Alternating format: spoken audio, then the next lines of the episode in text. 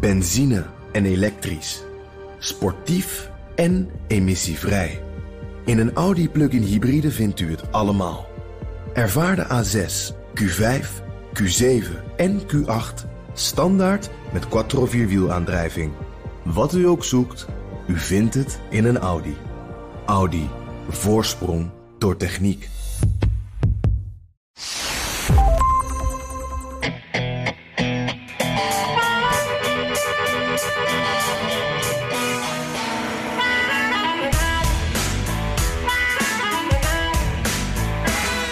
Amerika zit nu ruim boven de 80.000 coronadoden. Dr. Fauci, de belangrijkste medische adviseur, althans denken we, waarschuwde dat het land vooral niet te snel open moet. En het Hoge Rechtshof hield zich met Trumps financiën bezig. Maar Trump liet Amerika praten over Obamagate. Dit is de 26e editie van de Amerika-podcast. Mijn naam is Bernard Hammelburg vanuit mijn thuisstudio in Amsterdam. Ja, mijn naam is Jan Posma. Ik zit uh, in Washington, zoals altijd aan mijn keukentafel. En uh, Bernard, ik zal gelijk maar eventjes met de deur in huis vallen. Ik werd deze week echt gek van het nieuws. Uh, alles liep door elkaar. Het zijn allemaal echt enorm ingewikkelde verhalen. we hebben het nu tijdens een pandemie ineens weer over Michael Flynn, over unmaskings, over een schandaal groter dan Watergate, volgens Trump dan echt, ik, ik, uh, ja, ik werd gek van deze week. Ja, nou leuk toch? Daar, daar je zit. Je, bent, je hebt er wel van genoten. Ja, nou ja, je bent correspondent toch. Het blijft het spannendste land van de wereld. Dus uh, je moet het ook een beetje. Als, als, als we het bijna niet meer aankunnen, dan is het, zitten we wel op de mooiste momenten. Want Jan, ik, ik beloof je, jij en ik en alle luisteraars, iedereen. Dit is een periode die we allemaal nog heel lang uh, ons zullen herinneren. En onze kleinkinderen vertellen dit nog aan hun kleinkinderen, denk ik steeds maar. dus uh, ja, ja, ja, ook de zaak Flynn, denk nou, je? Nou, dat weet ik niet. Dat weet ik niet. Nou, zullen we maar gewoon. Uh, ja, laten we dat gewoon maar doen. Laten we, laten we gewoon maar, maar uh, even een rijtje maken van de dingen die we door mogen nemen. Um, en uh, die we door gaan nemen. We gaan het hebben over Obamagate. Waar komt dat woord nou plotseling vandaan? Daar gaan we het over hebben. En natuurlijk over die Michael Flynn, de, uh, de voormalige veiligheidsadviseur van. Obama, van Obama een tijdje geloof ik, maar in elk geval van Trump. Ja, klopt. Van Trump. Trump. En we gaan het hebben over de, de, de, natuurlijk gewoon over het pandemienieuws, maar ook weer over dat opduikende financiële onderzoek naar uh, de president. Um, en we gaan het natuurlijk ook over, hoe heette die man ook weer, die andere kandidaat voor de presidentsverkiezingen? Ja, dat vergeet hij zelf ook wel eens, geloof ik. Uh, Joe, Joe, Biden, Biden hè? moet ja. natuurlijk ook even, moet even bijpraten over hoe het nu gaat. Want dit is natuurlijk allemaal, dit is allemaal in het kader, denk ik, van de verkiezingen. Afijn, Jan, vertel. Ja, uh, zeker. Laten we beginnen. Wat heb je behalve wat we allemaal zien en wat je nu zo even vertelt, wat heb je allemaal meegemaakt? Nou ja, ik, er was nog wel één dingetje wat ik toch even met je wilde delen. Uh, ik was namelijk gisteren even op de mall hier in Washington. Uh, bij alle uh, grote, bij, bij George Washington Monument en alle andere bekende plekken. En er waren drie protesten tegelijk. En dat zegt denk ik wel iets over hoe corona op dit moment leeft. In ieder geval in Washington. er waren buschauffeurs die rondjes reden over de mall. Die, die willen overheidssteun, want door corona hebben ze helemaal geen werk meer. er was een, wat, een progressieve actieclub. Die had een stellage gebouwd voor, uh, voor het congres. Uh, om te demonstreren tegen het coronabeleid van Trump. Er lagen allemaal witte rozen uh, voor het aantal slachtoffers dat is gevallen. Je zei al, het zijn al meer dan 80.000. en zij geven Trump daarvan de schuld. En voor het Witte Huis was het truckersprotest. En dat was verreweg het luidste. want ze zijn daar constant aan het toeteren en op de gaspedaal aan het drukken. Ze staan er al twee weken en ze willen ook hulp. Want ze hebben hele kleine marges. En nu tijdens corona ja, redden ze het gewoon niet meer. Make Trucking Great Again stond er op die trucks.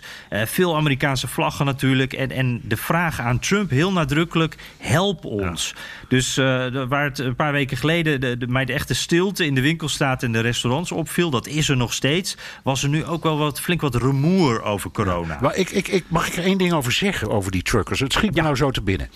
Maar eigenlijk zijn de truckers, de Teamsters, hè, die hebben de, volgens mij is dat ook de grootste en meest invloedrijke bond in de Verenigde Staten. Mm -hmm. Die Teamsters, die truckers, die hebben de rol overgenomen, in elk geval emotioneel, misschien ook wel echt, van de cowboys in het Wilde Westen.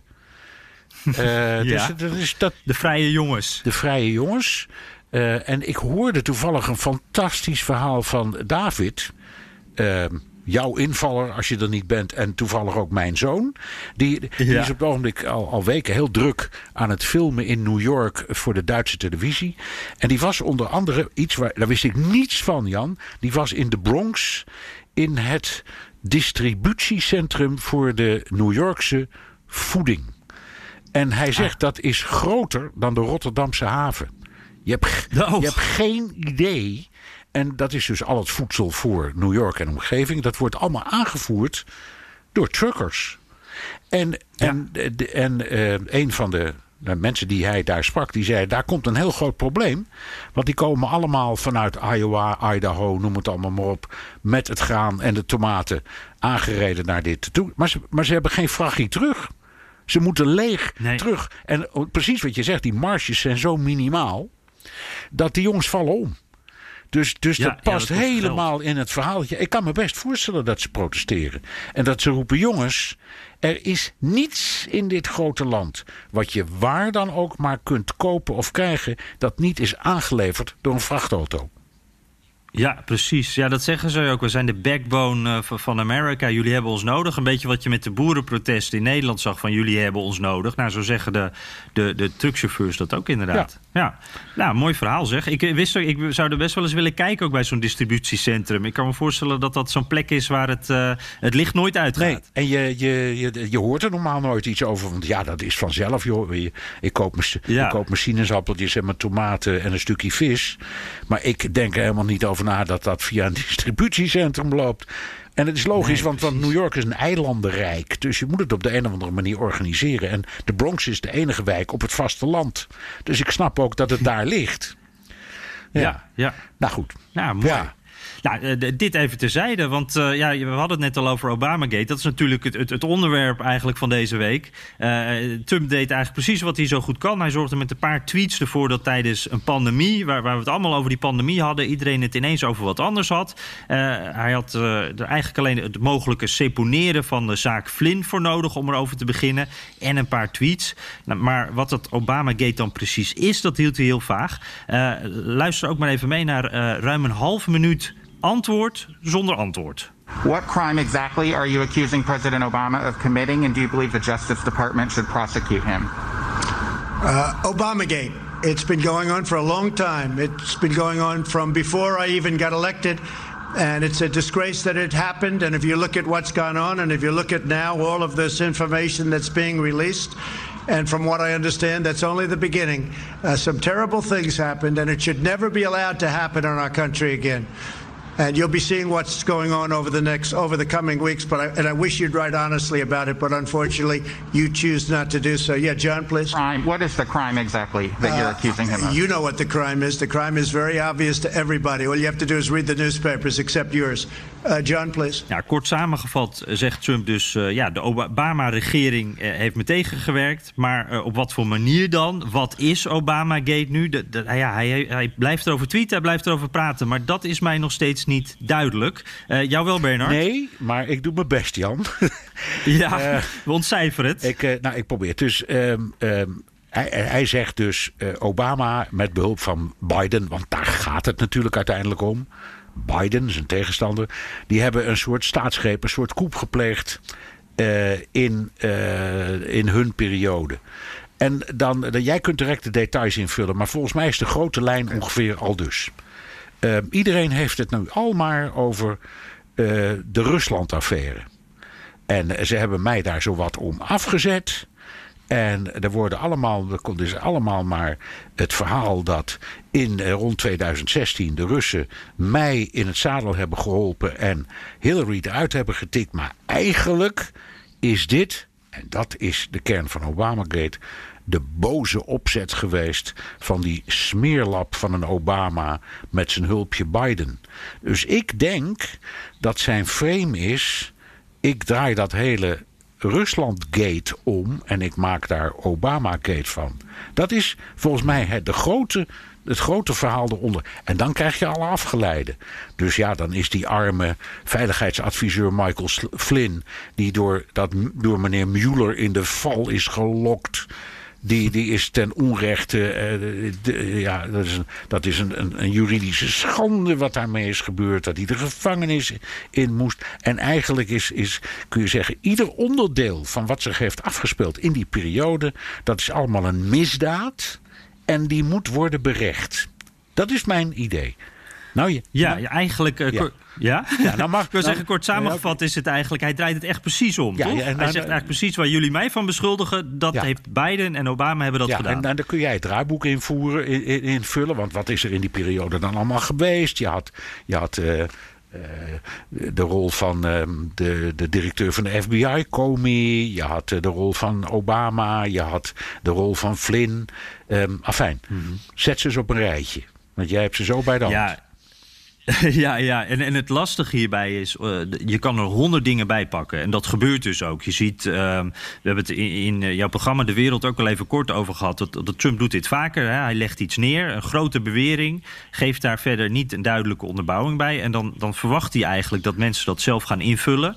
Dat gebeurt dan ook. Dat zie je nu op Fox News, op allerlei conservatieve media, op, op social media helemaal natuurlijk. Dus door iedereen pakt er eigenlijk wat anders bij. Maar een paar dingen die steeds terugkomen zijn een een gesprek in de Oval Office van uh, eh, 5 januari 2017. Dus toen uh, Obama nog net president was. En Obama, Comey, je noemde hem net al, de, de, de toenmalige baas van de FBI.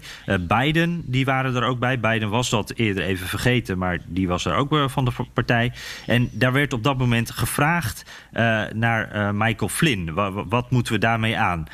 Flynn die was die, naar boven gekomen bij onderzoek van de FBI. En Obama zou toen ook een vraag hebben gesteld van... Nou, wat, moeten we hiermee? Um, Obama kende Flynn natuurlijk, want Flynn die heeft ook in, in de Obama, onder Obama een, een, positie gehad. Nou, dat is niet goed afgelopen. Um, dus dat is een punt wat er door heel veel mensen uit wordt gepakt. Van, zie je nou wel, Obama wist ervan, Comey wist ervan, Biden wist ervan... Uh, zij waren gewoon bezig om Trump te ondermijnen. Uh, op het moment dat, dat ja, Obama dat ook nog kon doen, omdat hij toen nog net president was. Maar eigenlijk was hij al een beetje over zijn graf heen aan het regeren om, om Trump te ondermijnen. Um, een tweede ding wat steeds terugkomt, uh, dat gaat over die unmaskings. Um, de, de tijdelijke chef van de inlichtingendiensten van Trump, Richard Grenell, uh, dat is een oud-ambassadeur, uh, echt een, een Trump-loyalist, zullen we maar zeggen. Die heeft nu een, een lijst naar justitie gestuurd met uh, de namen van, van leden van de Obama-regering die om een unmasking hebben gevraagd. En, en dat is ook iets wat, wat Trump, of nou, in ieder geval wat door, door Trump-aanhangers heel belangrijk gevonden wordt in de Obama-gate. En dat unmasking, dat is het, eigenlijk het verzoek om de naam van een Amerikaan die in een FBI-onderzoek uh, voorkomt bekend te maken. Uh, bepaalde mensen die worden die, die, in principe ja, niet de hoofd onderzocht te zijn. Die staan bijvoorbeeld als person one of, of man one of zo staan die in het onderzoek. Nou ja, als je bijvoorbeeld een Rus afluistert en hij praat met een Amerikaan, dan kan het toch belangrijk zijn om te weten als regering wie die Amerikaan is.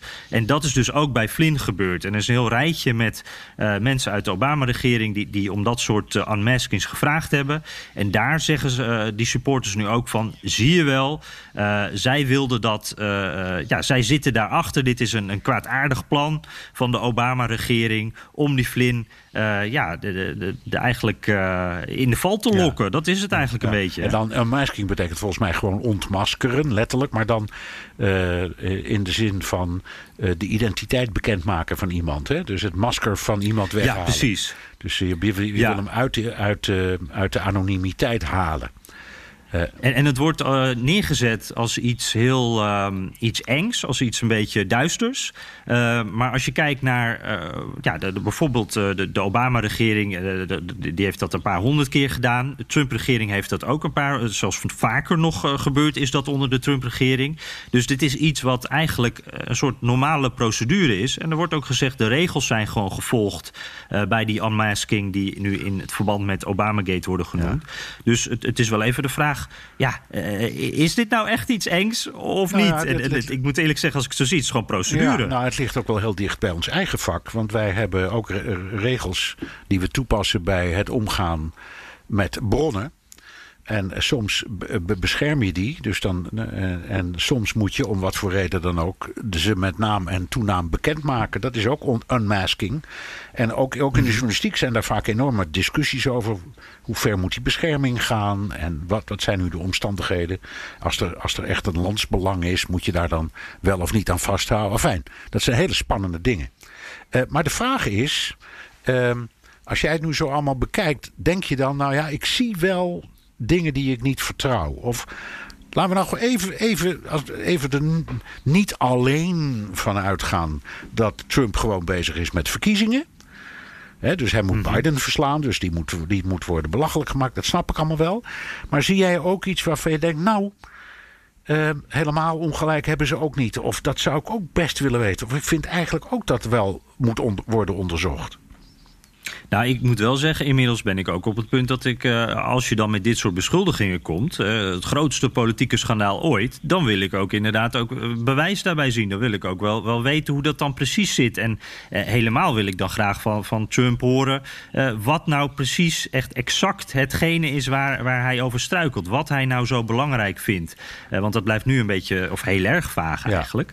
dus dat, bij mij, op dat punt werkt het dus. Ik heb nu ook wel vraagtekens. Ik ben wel benieuwd wat er nu aan de hand is. Maar je moet man, ja, man en paard noemen. Als je zegt, ik, eh, Precies. Ja, dat vind ik ook uh, een redelijke eis. En ik, ik hoop ook dat hij het doet. Want dan kunnen we, wij, eh, de samenleving, de Amerikanen, eventueel de rechtbank, het congres. Dan kunnen we gewoon op een normale manier oordelen of er wel of niet iets aan de hand is.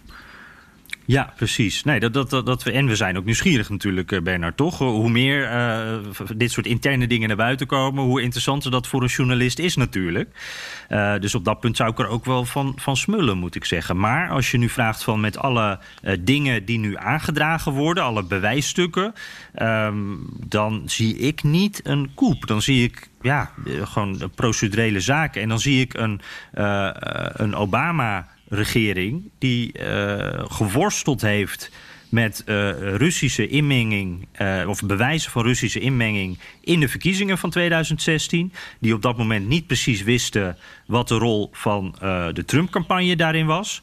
Ehm, die, uh, nou, en, en die daar dus grote moeite mee hadden om daar op een goede manier mee om te gaan. Ja.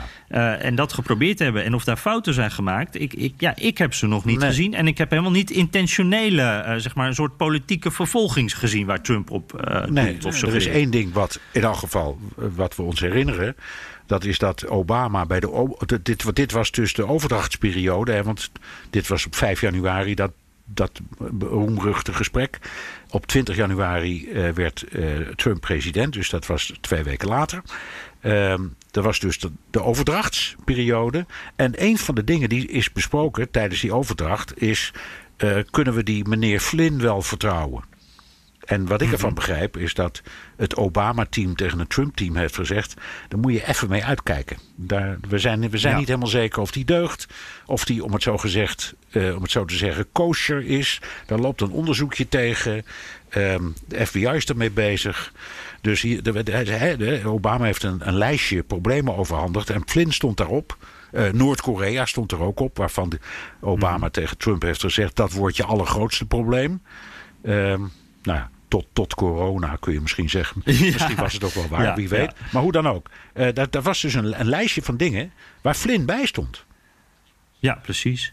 Ja, en dat, dat is dan ook wat moeilijk te plaatsen in, een, in het hele complotverhaal. Hè, als, als hij hem gewaarschuwd heeft. En dat heb ik ook met die unmasking.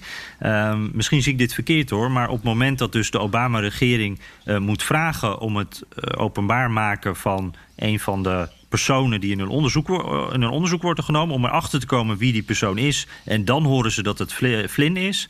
Uh, ja, dat klinkt wel een beetje achterstevoren, toch? Als het een groot complot was uh, vanaf het begin om Trump erin te luisteren en zo... Uh, of ja, om, om Flynn erin te luisteren en zo Trump te pakken... Dan, dan moet je dat eigenlijk al weten. En zo zijn er wel meer dingen dat ik denk van ja... Nou ja, leg het dan maar ja, uit. Nou ja, we wachten erop en misschien komt het. Um, ja. ik, ik, denk dat het mechanisme wat jij voortdurend altijd beschrijft, dat samenspel tussen Trump en uh, Fox News en nog wat andere conservatieve media, die dit enorm uh, ja, oppompen en daar heel uh, schreverig over doen. Um, dus je, mhm. kan, je kunt hier nog wel een tijdje op voert voordat Ja. je man en paard noemt. Dus het is ook die, die stemmingmakerij, ja, die, die werkt. En laten we eerlijk wij, wezen, wij zitten hier nu al, eh, nou, ik denk een, een kleine twintig minuten ook over te praten. Dus wij stinken er ook in, Ja. eh, Jan Posma. Ja, precies, precies. Met open ogen ook Zo nog. is dat, Ja, ja. ja. Ik moet trouwens, ik wou er nog wel één dingetje over zeggen. Want je noemt inderdaad Fox News. En eh, een van de dingen die me bij Fox News opvallen, die komen met, die halen ook alles erbij. En daar zitten soms gaan ze heel diep daarin. Met echt enorm in detail. Dat ik echt even moet denken, waar, over wie hebben we het nou ook alweer? En een van die dingen die steeds terugkomen. En dat is wel een, een punt van. eh, nou, het zijn eigenlijk twee dingen.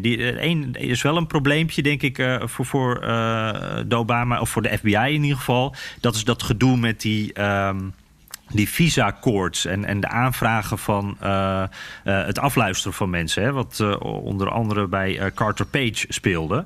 De FBI heeft daar wel fouten gemaakt. Daar, daar zijn we toch wel achter inmiddels. Dus dat is wel iets wat een probleem Ja, maar dat is geen nieuws. Dat weten we al een hele tijd. Dus ja, dat is waar. Dat is zeker waar. Maar ik bedoel maar eventjes, dat is een van de dingen die bij Fox News veel genoemd worden. En, en waarvan ik hem ook voor kan stellen dat mensen denken: oh, wacht maar even. Dat, daar is dus rook, een beetje vuurrook. Dus daar zou, daar zou best het begin van een beerput kunnen zijn. Eh, een ander punt, eh, dat zijn die sms'jes van die twee FBI-agenten die ook eh, een relatie met elkaar hadden. Lisa Page en Peter Strzok. Ken je ze ja, nog? zeker. Ik herinner me nog. Ja. Nou, dat, dat is ook een groot verhaal. Die worden nu ook weer genoemd. En dat is ook zoiets. Ik, ik, eh, je weet, ik was een tijdje geleden bij CPAC, hè, dat conservatieve ehm, eh, evenement, zeg maar, congres. En daar werd zelfs een, een toneelstuk opgevoerd. waarbij twee acteurs die sms'jes gingen voorlezen. Eh, nou, er werd te hard om gelachen in de zaal. Vonden mensen allemaal fantastisch. Het zijn van die dingen waarvan ik het gevoel heb. heel klein detail in het hele grote verhaal. Maar wat onder conservatieve, conservatieve Amerikanen echt een belangrijke radar is. En wat je dan ook nog heel vaak terug gaat Ja. horen. Oké, maar eh, nou, wat aanleiding of een van de belangrijke factoren is eh, Michael Flynn. Eh, Ja. dus dat moet je nog even, zet dat nog even neer. Ja, dat, dat, dat is eigenlijk een beetje de, de, soort van eh, aftrap. Hè? Dat, dat eh, de, de justitie dat, die, zaak wil, wil seponeren. Eh, Flynn, dat was, nou, we, hadden het al even over, het, over hem. Het was de eerste nationaal veiligheidsadviseur van Trump. Hij werd na 23 dagen al ontslagen. Was een groot verhaal toen natuurlijk, omdat hij tegen vicepresident Pence loog over zijn contact- contacten met de Russische ambassadeur. Hij loog eh, dus ook tegen de FBI, twee keer zelfs. Eh, besloot eh, daarop mee te werken aan het Ruslandonderzoek van Mueller. Eh, maar later bedacht hij zich weer, ontsloeg zijn advocaten en ging er juist tegenin. En nu wordt dus die zaak dan mogelijk ge- geseponeerd. Dat wil justitie in ieder geval. Een rechter moet daar nog over oordelen. En Bernard, dat is wel heel raar, toch? Dat er na een bekentenis toch nog geseponeerd wordt. Dat komt eigenlijk nooit Nee, voor. dat komt, dat komt mm, heel weinig voor in, in het recht. Het gebeurt wel eens meer hoor. Ehm, in het, het, het, het, het, ehm, het Amerikaanse recht of het Engelse recht zit zo in elkaar dat als een verdachte ontkent, komt er een proces. Eh, als hij bekent, dan wordt daarmee geacht dat alles is bewezen. Eh, en eh, dan wordt er ook meteen gevonnist. Dus er komt geen proces meer. Dat is een wezenlijk verschil met bijvoorbeeld Nederland. Daar wordt een bekentenis eh, in het recht beschouwd als een getuigenis. Dus als iemand een misdrijf bekent, zegt de Nederlandse rechter: dat is interessant. Maar ik moet ook nog andere bewijzen hebben voordat ik je kan veroordelen. Dat is een wezenlijk verschil. Dus ehm, wat er nu gebeurt, eigenlijk, is dat de officier van justitie, hè, want de rechter die twijfelt duidelijk of dit, of dit allemaal wel deugt. Maar de officier van justitie, dus het Openbaar Ministerie, zegt: Nou ja, we hebben nog eens gekeken. Er is bovendien een nieuwe eh aanklager aan toegevoegd door minister Barr van Justitie. Een nieuwe aanklager die uitgesproken pro-Trump is, dat weten we. Eh, die hebben de zaak opnieuw bekeken en zeggen: Nou ja, Ehm, eigenlijk vinden we de zaak niet hard genoeg.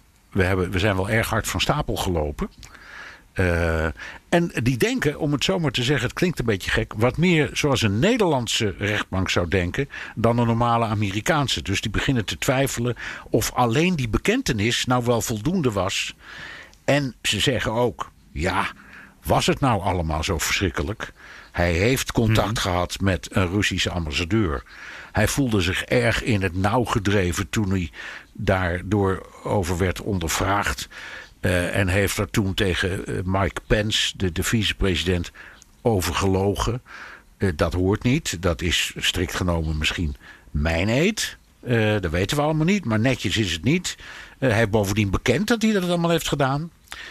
Maar is het nou, als je er achteraf naar kijkt, allemaal zo ernstig? Dat is ongeveer ja. de presentatie. En dan zegt de officier van justitie. Mwah.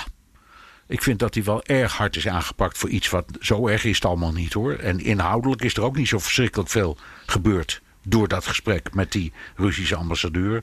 Dus ik vind het eigenlijk geen ernstig misdrijf. Dus ja, we gaan die man niet uh, uh, verder vervolgen. Ik, ik, ik, ik vraag, dat kan een officier doen.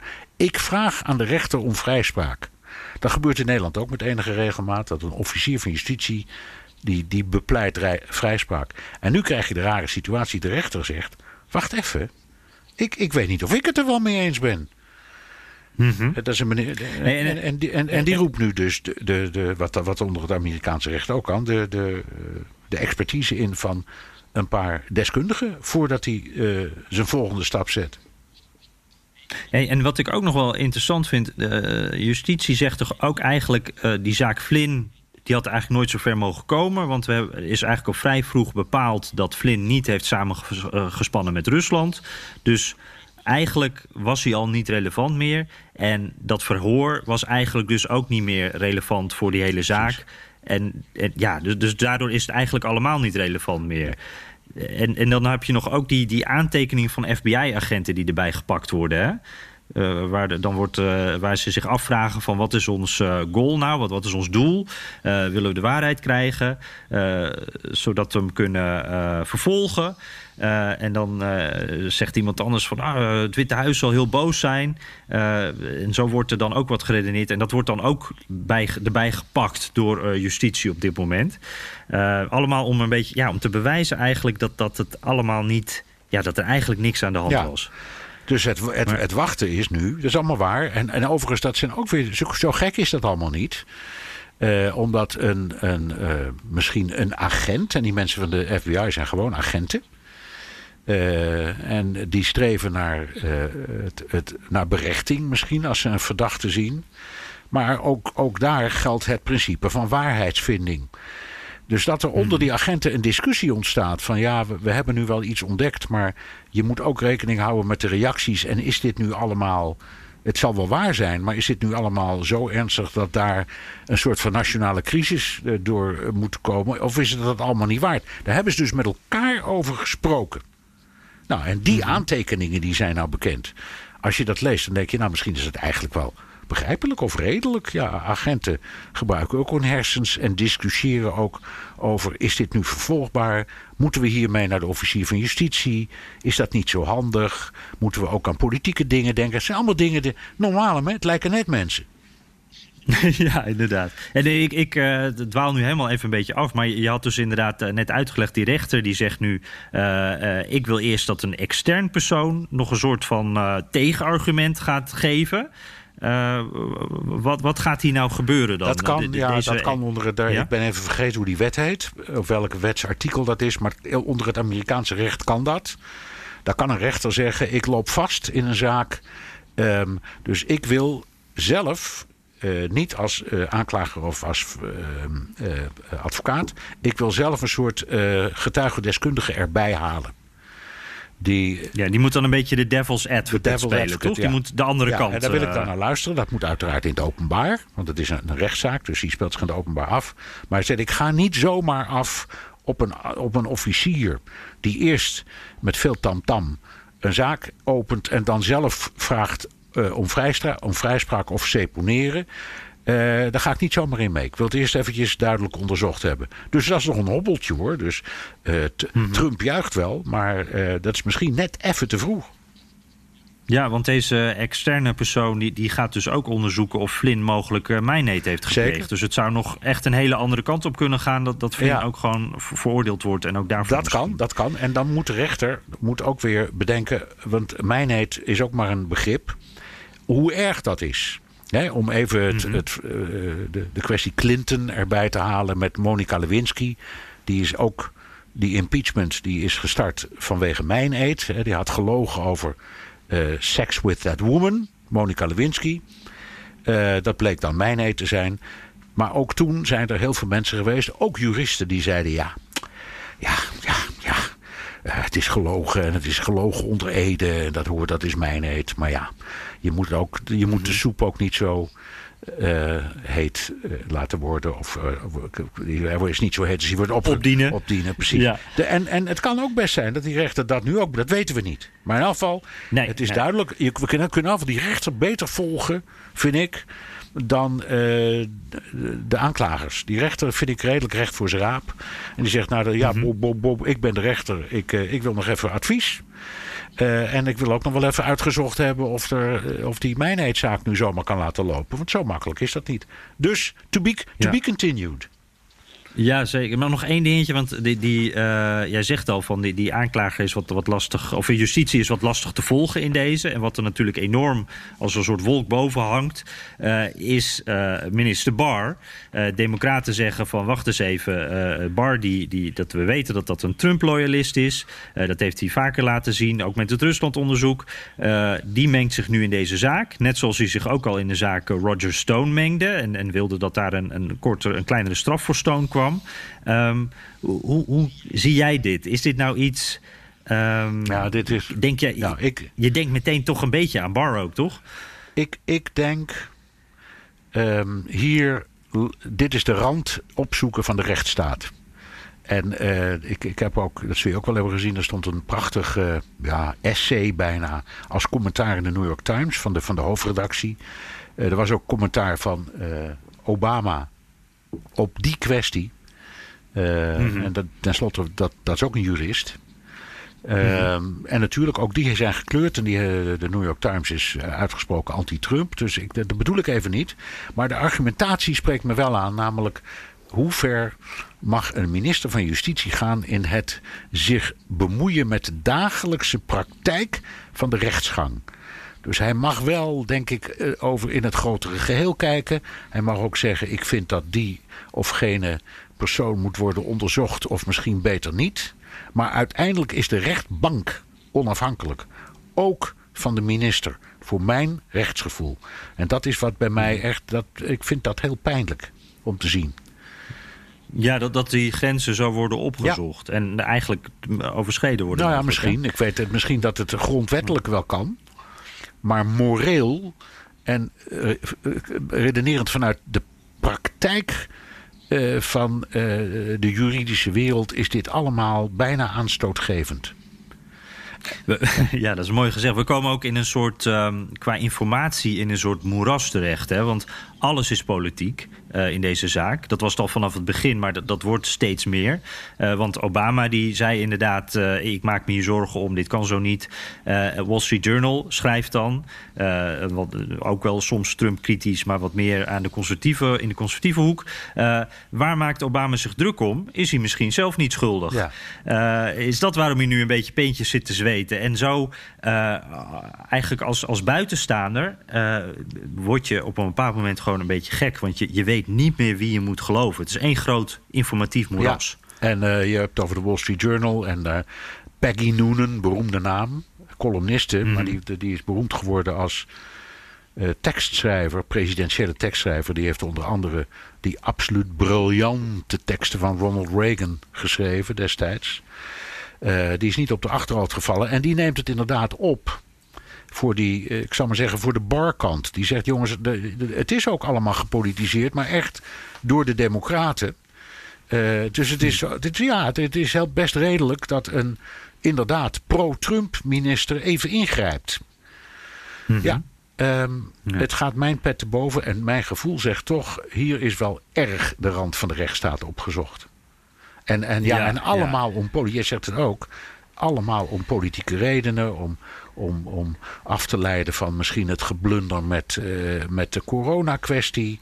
Uh, allerlei andere dingen. Die, die vreselijke toestand met Trump, die zei: als je nou allemaal een injectie neemt met een schoonheidsmiddel, dan gaat het misschien wel over. Ja, dat zijn dingen, dan moet je wat anders beginnen. Dus hupske, Obamagate. Mm daar, daarbij ook trouwens uh, op dezelfde dag dat hij, ik geloof, 120 keer over Obama, nou over verschillende dingen, vooral over Obamagate uh, tweeten. Toen uh, beschuldigde Trump ook Joe Scarborough, bekende journalist hè, van Morning Joe op televisie elke ochtend. En Trump beschuldigde hem van moord. En dat is ook wel iets. Ja, ik, ik moest daar dus ook even aan denken in het kader van Obamagate. Want Trump doet dit vaker. Deze Scarborough, die, daar heeft hij ook al vaker over getweet. De, de, er is uh, ooit dus een, een, medewerker van hem, uh, toen hij nog in het congres zat, uh, is overleden. Nou, dat is allemaal onderzocht en daar is verder niks geks aan gevonden. Was geen moord volgens de politie. Trump die zegt nu van, ja, mensen zeggen het, ik weet het ook niet, maar het moet maar eens onderzocht worden. En hetzelfde heeft hij natuurlijk bij een soort van bij Hillary Clinton ook gedaan, waarbij nog steeds wordt geroepen lock her up tijdens Trump speeches. Dus ja, Trump is ook geen.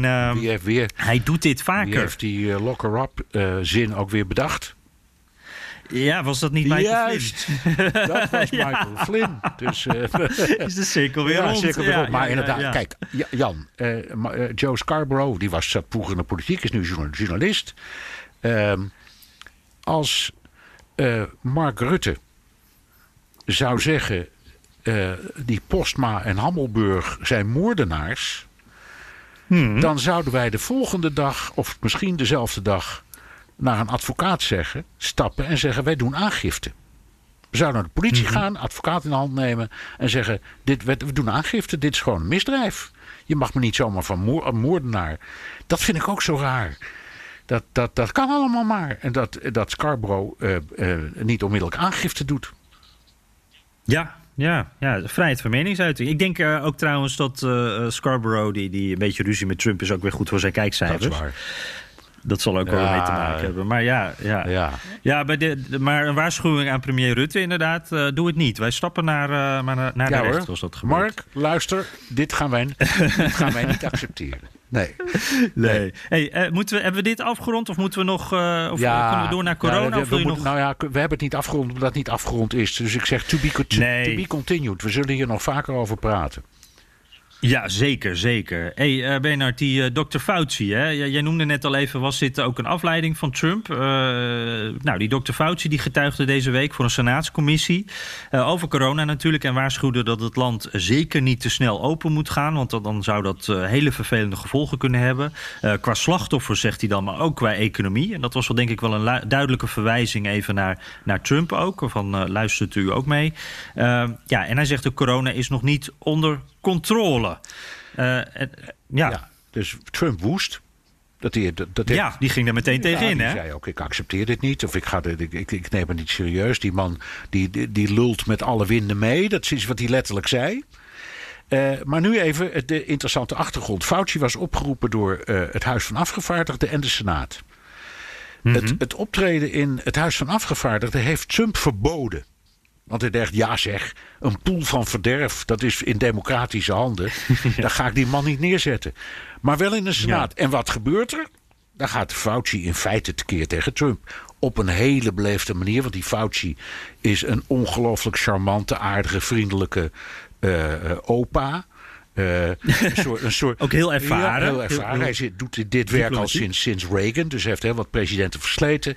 En, en hij is een beetje de, de, de medische opa des vaderlands, zal ik maar zeggen.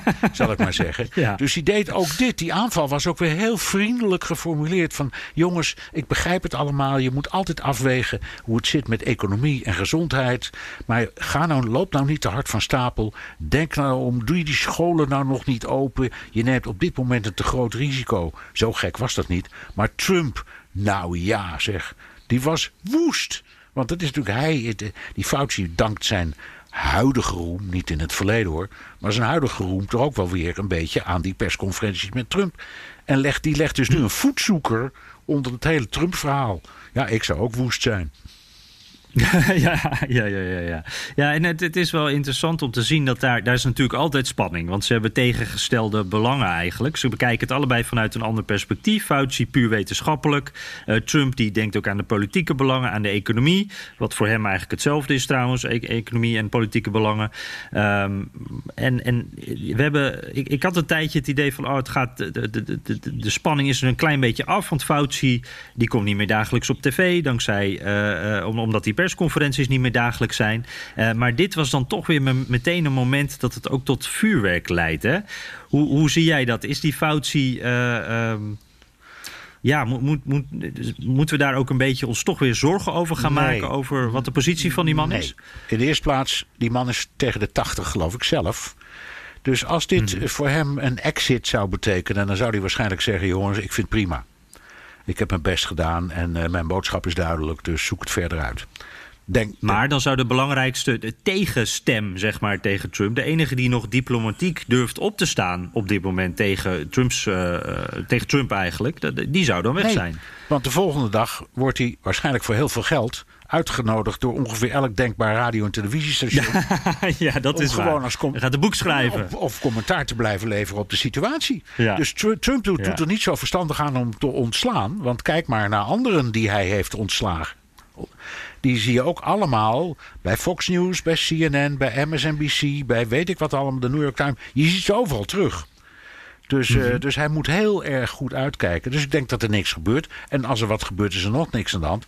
Uh, het is ook gepeild. Hè? Ik geloof dat het merendeel van het Amerikaanse volk, los van wat ze politiek vinden, wel groot vertrouwen hebben in die Dr. Fauci. Ja, Dus, dat dus klopt. hij zit wat dat betreft op rozen.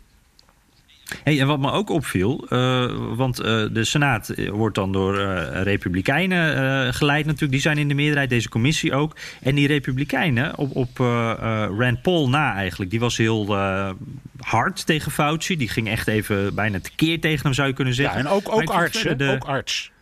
Ja, Ja. Ja. al, al heb ik ook weer allemaal dingen gelezen over wa- waarom, waarom je niet naar hem toe moet Nee, gaan nou, dat- eh, als je het is- medische Het is- advies het wil. is mij duidelijk waarom ik niet naar hem toe moet gaan. nee, nee, hij heeft een duidelijke. Nou, hij is in ieder geval uitgesproken. Maar eh, wat ik wil zeggen, eh, zijn Republikeinse collega's, die waren eigenlijk allemaal, eh, vond ik, heel mild tegen Fauci. En eigenlijk had ik het idee dat die wel aan de kant van Fauci Ja, staan. Had jij dat gevoel? Zeker, en eh, dat is ook een hele interessante les, omdat eh, die Fauci staat eigenlijk een beetje boven de wet. En dat is wat, wat Trump Mhm. onderschat, want die probeert hem als tegenstander te framen. En de, de rest van de wereld, inclusief het Amerika Amerikaanse volk en de Amerikaanse politiek, ziet dat helemaal niet zo. Die ziet hem als expert. Die zegt: Mhm. Fijn dat u wilt komen vertellen hoe u het ziet. Ga je gang. Ook de Republikeinen. Dus die proberen het juist te demystificeren en uit de politieke sfeer te halen. Gelukkig maar. Ja. Ja, zeker. En tegelijkertijd is het ook wel zo dat op, op Fox News eh, eh, en op eh, OAN, hè, die, die rechtse versie van Fox noem ik het dan maar even, dat daar echt de aanval op Fauci wel is ingezet. Ja. Daar wordt hij echt, daar wordt hij als democraat neergezet, wat natuurlijk het ergste van het ergste is Ja. voor de Ja, Fox-kijker. en die, hoe heet Dus die schreeuwende mevrouw ook weer? Die zei: Hij is niet eens gekozen. Hij is niet eens gekozen. ja, nee, klopt. En toch speelt hij de baas. toch speelt hij ja, baas. ja. Ja. Dus het is, ik ben wel benieuwd hoe lang Fauci ook uit dat politieke kan blijven. Het, eh, hij, is daar, hij is zelf heel diplomatiek, dus eh, hij zal zelf alles eraan doen. En hij heeft natuurlijk die enorme ervaring en, en, en eh, reputatie. Maar dat wordt nog wel een klus, Dat wordt een klus. En hij moet natuurlijk als gewetensvol adviseur van zoveel presidenten ook voortdurend denken: wat is mijn rol? Mijn rol is om het Mhm. Amerikaanse volk en de gouverneurs en de burgemeesters van advies te blijven voorzien. Dus wat er allemaal in, de, in die woesternij van het Witte Huis gebeurt, nou dat gebeurt dan maar. Maar ik denk dat Fauci denkt: eh, ik, ik vind mijn eigen weg wel. En ze bellen mij ook, dat vertelt hij ook. Die gouverneurs bellen hem gewoon op. Dokter, dokter Fauci, wat moeten we nu? Eh, dus, en dat blijven ze gewoon doen. Ja. Hey, eh, moeten we het eens even over eh, eh, de tegenkandidaat Ja. van Trump hebben? Ja, De- dit is altijd even de, de, het laatste nieuwsonderwerp wat we doen is altijd Biden. En daar zit ook. Ik heb altijd een beetje hetzelfde gevoel. Jij vast ook van. Nou, er gebeurt daar niet zoveel. We moeten het toch even over hem hebben. Want die, die campagne is gewoon bezig. Maar het is nog steeds onzichtbaar. Hè? Het is elke week hetzelfde is het ook. eigenlijk. En het is, ja, het is in onze podcast een beetje tussen Biden. Eigenlijk. ja. Zit er even tussenin geklemd. Maar goed, hij, hij Ja. heeft, eh, hij heeft eh, weer een voorverkiezing gewonnen in Nebraska. Nou ja, dat, je, moet, je moet op de kaart. Big deal. Waar ligt het ook weer? Eh, en dan, ja, ehm, eh, eh, het enige nieuws is natuurlijk... We hadden, de, we hadden, zijn, we hadden Tara Reid... die hem aanklaagt wegens eh, aanranding. Maar als je goed kijkt naar, de, naar wat ze destijds aan mopperwerk heeft gedaan... dan staat die aanranding niet in. Dus het, het, het, het, wordt, het wordt een beetje een zwak verhaal. Maar goed, eh, eh, het kan nog steeds allemaal wel of niet waar zijn, weet ik niet. Eh, Ja. eh, Ja, het lijkt op dat punt ook een beetje, vind ik, op die Kavanaugh-hoorzittingen. waarbij je ook steeds het gevoel had van... eh, we, komen, we, kunnen er, we komen er met de vinger niet achter wat nou precies de situatie is... wat er nou precies is gebeurd. En het is te lang geleden om er nu ook nog achter te Jawel, komen. En dat, dat is de situatie hier ook Ja, maar juridisch is het extra gecompliceerd. Omdat zij destijds wel degelijk een klacht heeft ingediend. Ja. eh, maar niet heeft Ja. verteld dat er een seksuele component in zat. Dus ze heeft niet, Mhm. ze heeft niet gezegd... die man heeft me tegen een muurtje gedrukt en eh, geprobeerd te verkrachten. Dat, dat zegt ze nu pas. Dus eh, da- daarmee Mhm. Ja. is niet, zeg ik niet dat het niet waar is... maar het maakt het juridisch bloed ingewikkeld. En ik denk dus, Ja. ik denk dus dat dit verhaal sterft. Ja, nou ja, als eh, eh, de Trump-campagne het ook laat sterven... dan zijn er op dit moment zoveel onderwerpen... waarmee ze Biden mee om de oren slaan. Als het nou over China gaat... eh, nou, we hebben het net over Obamagate gehad... wat eigenlijk ook een soort Bidengate is voor de Trump-campagne. Eh Tara Reid, op dat punt... eh, ja, eh, er zijn ook bijna... moeten ze zich niet misschien een beetje gaan focussen, die Trump-campagne? Dat ze even één ding Ja, uitpakken. maar het is ook met hagelschieten. Hè? Je raakt, je raakt, Ja, is ook je- zo. Wat blijft je hangen? raakt altijd wel wat. Oké, hey, en, eh, en wie, wordt wie wordt zo'n running mate, Jan? Ja, hier hebben we het volgens mij ook al een keer eerder over gehad. En toen, toen eh, vo- vond ik het, het blijft gewoon zo moeilijk. Ik, ik blijf wel een beetje hangen bij eh Kamala Harris. Eh, Ja, we ah, krijgen nou, er geen ja, ruzie God, over. saai, Bernhard. Ja, maar Ja, dit is, gewoon een leuk mens. En ik denk, maar Ja. dat goed, dat kunnen wij vinden. En ik, ik, ik begrijp uit wat ik lees dat mevrouw Biden een grote vinger in de pap heeft in het beslissingsproces. Dat, vertel eens, hoe zit nou, dat? dat weet ik niet, maar ik las gewoon in de kranten dat, dat het, het team. Eh, of het groepje mensen dat eh, hierover gaat eigenlijk maar heel klein is. En dat de- Ja. het lijstje ook nog maar heel kort is. En dat in het team zit ook mevrouw Biden. En dat vind ik een goed ja, idee. eh, omdat. is een aardig mens, die Jill. En ik denk dat die best. Die, die, het is goed om dat te doen. Vind ik heel verstandig in dit geval. Ehm, waarom? Ook vanwege dat Reid-verhaal? Of... Nee hoor, ik bedoel het helemaal niet politiek. Ik denk, eh, die, die, als, als zeker is, en dat is het, dat het een vrouw moet worden. En eh, dan is het heel handig om je eigen vrouw in, dat, in, in, het, in, in het selectieproces te betrekken. Omdat je aan je eigen vrouw waarschijnlijk het makkelijkst kunt vragen: wees eens eerlijk. Zou jij op Ja. haar stemmen, ja of nee? Ja, ja, ja. Oh, ik was iets te cynisch Ja, dat was de, ik, denk denken, dat, ik denk dat het veel minder ingewikkeld is. Dus ja, dat je kan gewoon Hey. tegen je eigen vrouw zeggen: Kom op, wat vind jij nou een leuk wijf? Met, met wie Ja. ga ik het redden en, en zou je op te stemmen? En hoe denk je dat onze vrienden op, daar, da- daarop reageren? En hoe denk je dat een kiezer in, eh, in Nebraska of in Montana daarop reageert? Het is heel goed om het zo te doen. Dus ik, eh, ja. En, Hey, en Bernard, er, er zijn altijd heel veel strategische eh, redenen om voor een bepaalde vicepresident te gaan. Eh, eh, persoonlijke klik is natuurlijk wel het belangrijkste. want je moet met zo iemand campagne nee, voeren. Nee, en- dat hoeft niet. Oh, dat hoeft ja? niet. De, de, de geschiedenis is vol van presidenten en vicepresidenten die niet eens tegen elkaar spraken. Het is prettig als het zo is, maar het hoeft niet. Eh, Oké, prima. Het, het Eh, krioelt, maar- krioelt van de voorbeelden. Eh, eh, Kennedy en Johnson hadden een bloedhekel aan elkaar. Ehm, eh, Truman wist helemaal niets van wat Roosevelt deed. Toen hij, toen hij president Ja. werd, toen kwam hij er pas achter dat ze op het punt stonden om een atoombom af te, voeren, af te vuren. Daar wist hij niets van. Dus, en, en, en dus het, soms gaat goed, soms niet. Het is niet noodzakelijk. Wat noodzakelijk is, is dat het mensen zijn waarvan je weet dat ze met elkaar kunnen werken. Eh, zo een vicepresident zit doorgaans in de Nationale Veiligheidsraad. In allerlei, heeft belangrijke functies tegenwoordig. Je moet weten dat dat werkt. Het is een vertrouwenskwestie. Ehm, en het is vooral een electorale kwestie. Wat hark, ik ermee eh, naar binnen aan eh, kiezers? En die kiezers denken altijd hetzelfde. Als ze erover nadenken. Vind ik het een leuk persoon, die running mate? Eh, en als we wat verder doordenken, als deze president omvalt, en hij is al heel oud, dus het kan gebeuren. is dat dan iemand aan wie ik de tent toevertrouw? Zo simpel is het. Ja. Nou, en dan hebben we het over eh, Kamala Harris. Eh, ik, vind, ik, ik denk dat ze al deze eigenschappen heeft. Ze heeft in die voorverkiezingscampagne laten zien wat ze kan. Het, ik blijf zeggen, het is een soort vrouwelijke eh, Obama. Ehm, heeft allerlei goede eigenschappen, leuke eigenschappen. Het is etnisch interessant. Ze haalt misschien minderheden binnen. Goede keus. Dus laten wij, we laten wij gewoon daarop inzetten. ja, oké, Ja. prima. Ja. Is er nou één ding dat er voor jou eh, bo- bovenuit steekt? Dat je zegt van dat eh, die uitstraling is dus heel belangrijk. Maar is er één ding wat Kamala Harris heeft wat, wat anderen niet Nee, hebben? nou het is meer zo dat eh, geen van de alternatieven aantrekkelijk genoeg is vergeleken bij haar. Het zijn er maar een Mhm. paar.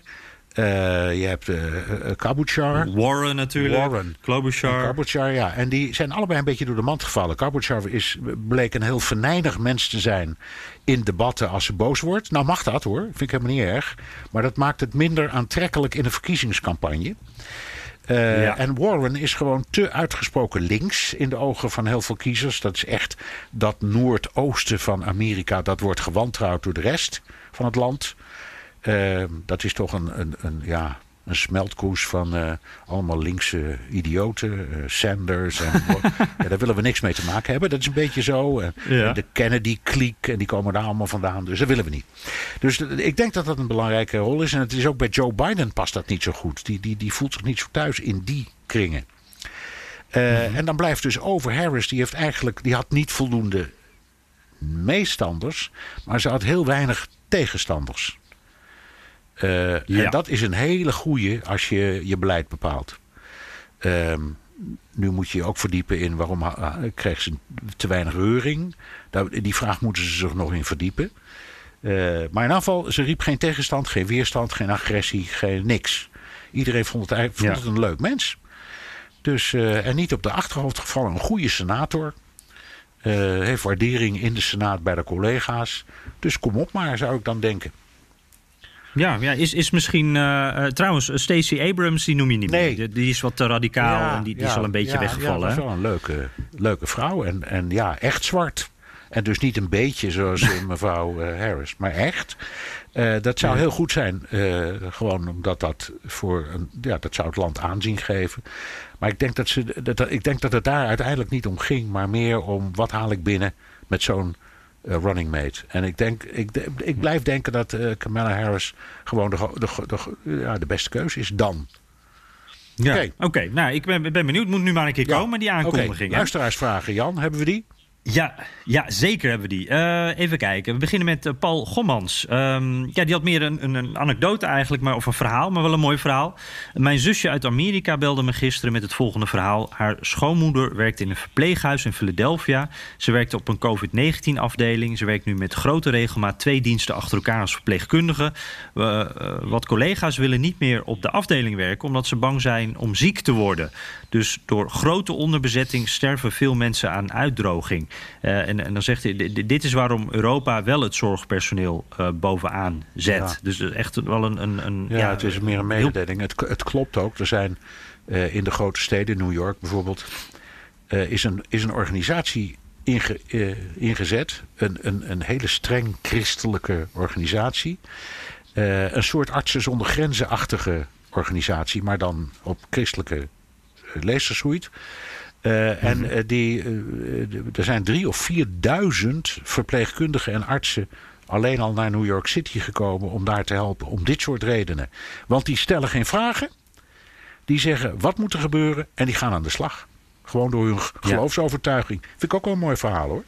Ja, heel mooi. Ja. Hey, en trouwens, Cuomo, daar hebben we het eh, vaak over hoe goed hij het doet. Maar die ligt nu ook wel wat onder vuur door, door het aantal eh, overledenen in Ja, verpleeghuizen. hè? natuurlijk. En kijk, hij doet het die, eh, fantastisch. De, de Cuomo-show is geweldig. Elke dag. En, en, en we praten over president Cuomo. Maar ook die was te laat. Ook die heeft zitten, Ja, ook die heeft ja. zitten maffen. Dus hij kan wel mooi weerspelen. En dat doet hij. Maar ja, mensen die even verder doordenken, die zeggen: wanneer, wanneer ben jij ook weer begonnen? Dat was ook Ja, ja, met precies. deze hele kwestie. Dat was ook pas eh, ergens midden maart of zo. Terwijl het dus Ja. was veel te laat. Nou ja, dat breekt vroeg of laat op. We waren allemaal te laat, laten we eerlijk wezen. Op een, op een, dat op een enkeling na was iedereen te laat. Uh, en, en Cuomo geeft het ook toe. Het is niet zo dat hij je tegenspreekt, in tegenstelling tot Trump. Want die, die roept steeds: het is de schuld van anderen. Ja. Obama. En, uh, ja, zeker. Nou, daar hebben we Ja. al eh, heel veel over gepraat. Eh, en en hij, hij komt nog met een andere inzicht, eh, Paul Gomans. En eh, nou ja, dat is eigenlijk een hele uitzending waard. Maar ik vind dat altijd van die mooie what-if-vragen. Als Clinton nu aan de macht was geweest, hoe was het dan allemaal gelopen? Eh, hadden we dan niet. eh, ik, ik zit dan meteen te denken dat Fox News dan eh, heel kritisch was geweest. En dat ze op CNN misschien wel wat minder kritisch waren geweest zou- in het hele corona gebeuren. Zou kunnen. Zou kunnen. Ik weet het niet. Ik, dit, is, dit heet ex- existentialisme. Daar heeft Jean-Paul Sartre mooie boeken over geschreven. En die komen erop neer dat als je één factor in het heden verandert, gesteld dat ehm, eh, eh, ik geen jongetje was geweest, maar een meisje. Eh, dan zou de hele wereld, dan, zou, dan kun je net zo goed zeggen, dan was alles anders. Dus dan was er misschien helemaal geen Ja, coronavirus. Dus ik, ik, kan er, ik begrijp de vraag, maar ik kan er niet zoveel mee. Het is een mooie Een gedachte. mooie gedachte, ja. In ieder geval eh, bedankt Paul. En nog even eh, Wilbert, eh, Wilbert van Vree. die altijd met veel plezier luistert. En die vraagt zich af: zouden jullie binnenkort eens aandacht willen besteden aan de congresverkiezingen? Daarvoor gaat men in november toch ook naar de stembus. Wat zijn de verwachtingen en peilingen? En ja, zouden er misschien wel beide huizen of beide kamers in democratische handen kunnen komen? Nou, dat, dat lijkt me. Daar moeten we een keer een uitzending aan gaan ik stel wijden. voor, Als ik een vind, keer, ik vind het goed. Met inachtneming van de vraag van Wilbert Vree, van Vree komen we op terug. Maar daar gaan we inderdaad een, eh, een podcast over maken. Want we doen daar veel te weinig aan. En Ja, aan die congresverkiezingen. En eh, ieder- alle media laten het eigenlijk liggen. En het is zo belangrijk. Nou, Ja, Jan, zeker. Jan we, we hebben, ik heb al twee koppen koffie op. Eh, ja, die van mij is ook al een tijdje ja, leeg. Ja. we- op het einde van de podcast gaan we altijd even praten over iets Nederlands. Wat heb je gevonden, Jan? Ja. Ja, nou, ik, ik zag wat voorbij komen in de Washington Post over Nederland. En dat is toch altijd leuk in de buitenlandse krant. Eh, En dat ging over het Netherlands Carillon. Eh, in- daar, hebben we het al wat eerder over gehad. Eh, dat staat eh, een carillon op een plek eh, met echt een fantastisch uitzicht over Washington. Wordt helemaal gerenoveerd, krijgt drie nieuwe klokken. En al die klokken eh, die daar al in hangen, die staan symbool voor een deel van de Nederlandse samenleving. De kleine klokjes, dat zijn dan de Nederlandse kinderen. En zo eh, nou, heeft iedereen wat. De drie nieuwe klokken die krijgen de naam van George Marshall, Martin Luther King en Eleanor Roosevelt. En ik moet zeggen, ik ben een beetje teleurgesteld, want ze hadden het ook aan schoolkinderen gevraagd wat er op die klokken moest komen te staan. En die kwamen met eh, een fiets of stroopwafels, dat soort dingen. Dat vond ik eigenlijk wel heel mooi. Maar we zijn dus voor een wat diplomatiekere en, en ook misschien wel voor een wat serieuzere oplossing gegaan. Maar jij hoorde dit verhaal en dat deed meteen, eh, ja. Ja. flauw grapje, maar bij jou ook een belletje ja, rinkelen, ja, toch? omdat het is inderdaad dat, dat carillon is eerlijk gezegd een klein beetje een nepverhaal. En dat is het vanaf de eerste dag. Het is vlak na de Tweede Wereldoorlog bedacht. Eh, begin van de jaren 50 is een inzameling voor geweest. Die is mislukt. Niemand wou. eh, het was om de Amerikanen te bedanken. En toen het, het, is, het is architectonisch een ramp. Er zou een lift in komen, maar dat bleek helemaal niet te kunnen. Eh, de klokken waren vals. Eh, dat, dat wisten ze al toen het af was. Maar ja, dat konden ze zo snel niet meer veranderen. De Amerikanen wilden helemaal geen carillon. Die wisten wat- die, absoluut niet wat je met, zo- met zo'n ding moest. Er is eindeloos gesteggeld. Waar moet het dan komen? Nou, officieel staat het in Arlington. Maar eigenlijk staat het gewoon langs de grote weg vlakbij het vliegveld. Dus het is niet iets waar, je, waar, waar grote massa's heen gaan. Sterker nog, er komt bijna nooit iemand. Eh, toen het werd overgedragen, dat heeft Juliana des- destijds gedaan aan president Truman. Die had toen een cadeautje meegenomen, symbolisch, namelijk een klein klokje. Dat zou ze hem dan ceremonieel overhandigen. Alleen overhandigen, maar op het moment dat ze dat wilde doen, was het klokje kwijt. Dus ze heeft, ze heeft net gedaan of ze iets onder- overhandigde. En Truman heeft net gedaan of hij iets in, in ontvangst is echt gebeurd. Maar nu, maar nu de rest van het verhaal. Dat, dat, dat carillon is vervolgens in verval geraakt. En in 1995 is precies hetzelfde gebeurd als nu. Toen is het officieel ook weer met allerlei Nederlandse inspanningen eh, op, opgepoetst eh, en eh, gerestaureerd. Stond toen ook op doorroesten. En ik weet het, want ik stond er met mijn neus bovenop Jan. Toen dat gebeurde. Ja. En Beatrix en Klaus, die waren daar toen. Eh, dus het was helemaal een ceremonie. Waren, er was niet een officieel bezoek overigens. Die waren er een onofficieel bezoek. Maar ze waren er. En er was geen journalist bij. Want het was, er gebeurden die dag twee dingen. Eh, het ene was dat Colin Powell besloot om geen presidentskandidaat te worden. Dus daar, En het andere was dat op dat moment uitlekte dat Nederland had besloten om ehm, eh, Amerikaanse helikopters te kopen in plaats van Franse. Dus, de, Ja. dus weg Beatrix en Klaus en weg Caroljon. maar we zijn dus nu, het is, het is een beetje, dit is een beetje eh, een, het, het, het- een, een grijs gedraaide plaat. Ehm, of het is een beetje Groundhog Day eigenlijk. Het is steeds, steeds Ja. hetzelfde verhaal. Oh, Ja. wat vreselijk. Het, het is eigenlijk, ja, het heeft er geloof ik ook mee te maken. We hebben dat carillon cadeau gegeven, maar we hebben er niet bij nagedacht dat dat ding ook onderhouden moest worden. En daar hebben de Amerikanen ook niet zoveel zin in. toch? Nee, nou uiteindelijk zijn die nog met wat geld over de brug gekomen. Eerlijk is eerlijk hoor. Die waren, helemaal, die waren best genereus. Want ze wilden uiteindelijk Nederland ook niet laten afgaan. Maar, maar vergeet ook niet, hè, in die tijd speelde ook de afwikkeling van eh, de Indonesië-kwestie. Waarin, eh, dus op dat moment was Nederland, eh, de, de verhoudingen tussen Nederland en de Verenigde Staten waren buitengewoon slecht in die tijd. Dus, eh, het- nou ja, het is. Het, Lachgevoelig. ja, maar het is, het, is, het is eigenlijk een nepverhaal. Ja. Nou, dan hebben we, zijn we geëindigd met een stukje Hollands fake news. Eh, aan, deze, aan het einde alweer hè, van deze Amerika-podcast. Ja, via de app of de site kun je heel makkelijk op de podcast abonneren. Kan ook via de Apple Podcast of Spotify. We horen altijd dolgraag recensies. Heb je nog iets gevonden, Jan?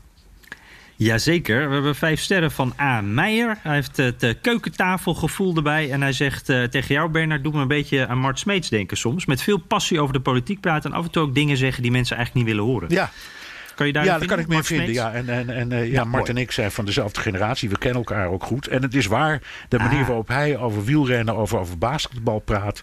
Dan denk ik ook vaak, heel leuk. Maar wat moet ik ermee? Ja. Ja. Hij weet het mooi te vertellen. Maar ja, nee, nou, mooi compliment in ieder geval. En eh, eh, meneer Meijer die heeft ook nog een, mooi verhaal over eh, hoe hij ooit in Atlanta, Georgia heeft gezeten. En daar ook betrokken was bij de hulp aan kansarme kinderen. Nou, mooi verhaal. Ik zou zeggen, kijk eens op iTunes en daar kan je hem teruglezen. Lezen. En hij luistert in de trein. Eh, en ook thuis naar de podcast. En dan nog eh, via Twitter vond ik ook wel een mooie Nicole W. Wat een gouden hoer, uitroepteken. Lieve hemel. Ik denk overigens dat er heel, nog heel wat uit te zoeken valt over Tar- Tara... die plots naar eh, voren kwam.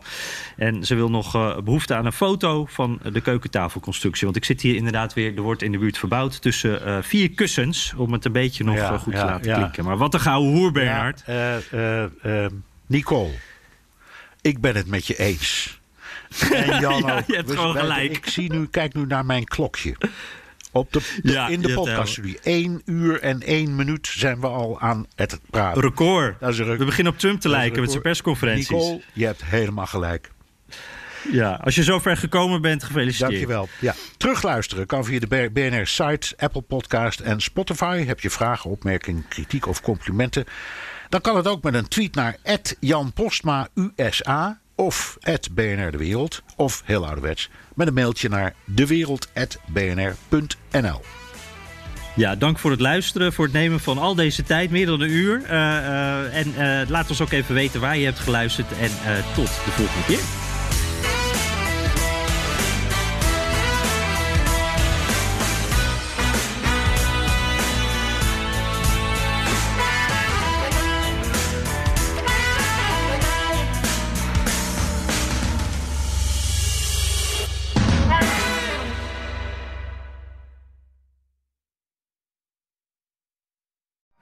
Benzine en elektrisch. Sportief en emissievrij. In een Audi plug-in hybride vindt u het allemaal. Ervaar de A6, Q5, Q7 en Q8 standaard met quattro vierwielaandrijving. Wat u ook zoekt, u vindt het in een Audi. Audi. Voorsprong door techniek.